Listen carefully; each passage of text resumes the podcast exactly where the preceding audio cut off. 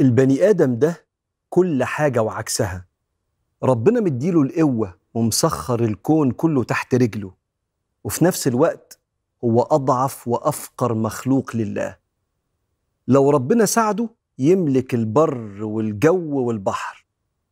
ولو كان لوحده من غير ما يتوكل على ربه أصغر محنة تكسره.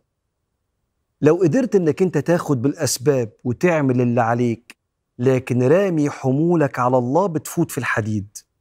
لكن بتعمل اللي عليك ومش رامي حمول قلبك على الله مهما كانت قوتك وإمكانياتك شيلة الدنيا هتبقى تقيلة عليك وظهرك هينحني.